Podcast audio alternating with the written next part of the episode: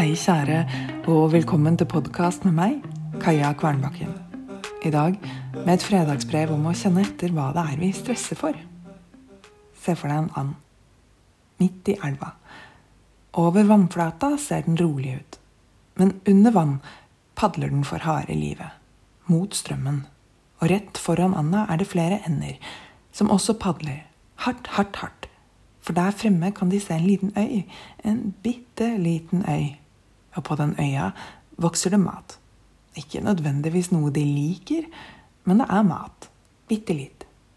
Men ingen av endene beveger seg av flekken. Hvis vår and hadde snudd seg, så ville den ha sett at det litt lenger nede i elva er en mye større øy med mye mer mat. Bedre mat. Delikatesser. Men den tør ikke å snu seg, i tilfelle den mister terreng. Jeg føler meg som den anda. Padle, padle, padle. Mot et mål jeg ikke engang er sikker på om er verdt det. Jeg padler fordi jeg tror jeg må. Fordi alle andre gjør det. Jeg vet ikke om human design er for woo-woo for deg. Men de siste par årene har jeg funnet mye nytte i det systemet. Jeg kjenner meg igjen i beskrivelsen av mitt design, og kjenner at det gir meg en tillatelse til å være mer av den jeg er.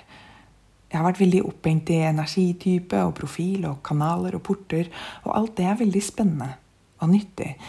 Men for et par uker siden fikk jeg en lesning av designet mitt, og det slo meg hardt. At jeg har hatt fokus feil sted. Hvis du kjenner til human design, vet du at det er ni energisentre i kroppen vår. Og at disse kan være åpne, udefinerte, hvite i kartet, eller definerte, farget i kartet.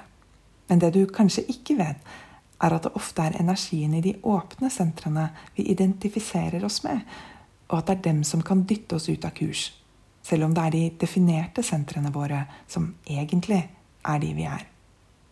Jeg har fire åpne sentre. Hodet, asjna, solarpleksus og roten. Gjennom de åpne sentrene tar vi inn omverdenen. Har du et åpent hode, får du kanskje mange ideer og tror at du må gjøre noe med dem alle sammen. Har du et åpent solarpleksus, tror du kanskje at du har masse følelsessvingninger, men egentlig tar du bare inn og forsterker følelsene til de rundt deg.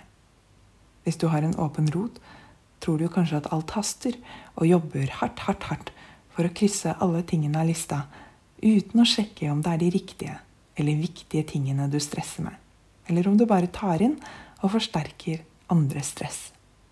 Den siste der er det jeg kjenner på. Den siste der er det jeg innser at jeg har balet med hele livet. Padle, padle, padle, som en forskremt and, mot et mål jeg ikke engang vet om jeg bryr meg om. Jeg gjør mange ting fordi jeg kjenner på presset, og ikke fordi jeg kjenner på lyst eller glede. Og det gjør meg trist og stressa. Og jeg tror ikke det er en quick fix for å løse det. Det hjelper å være bevisste. Det hjelper å meditere. Det hjelper å gjøre ting for moro skyld. Det hjelper å gi litt faen. Men det er så skummelt. For kan jeg stole på at ikke alt går til helvete hvis jeg slutter å padle? Slutter å streve? Strebe?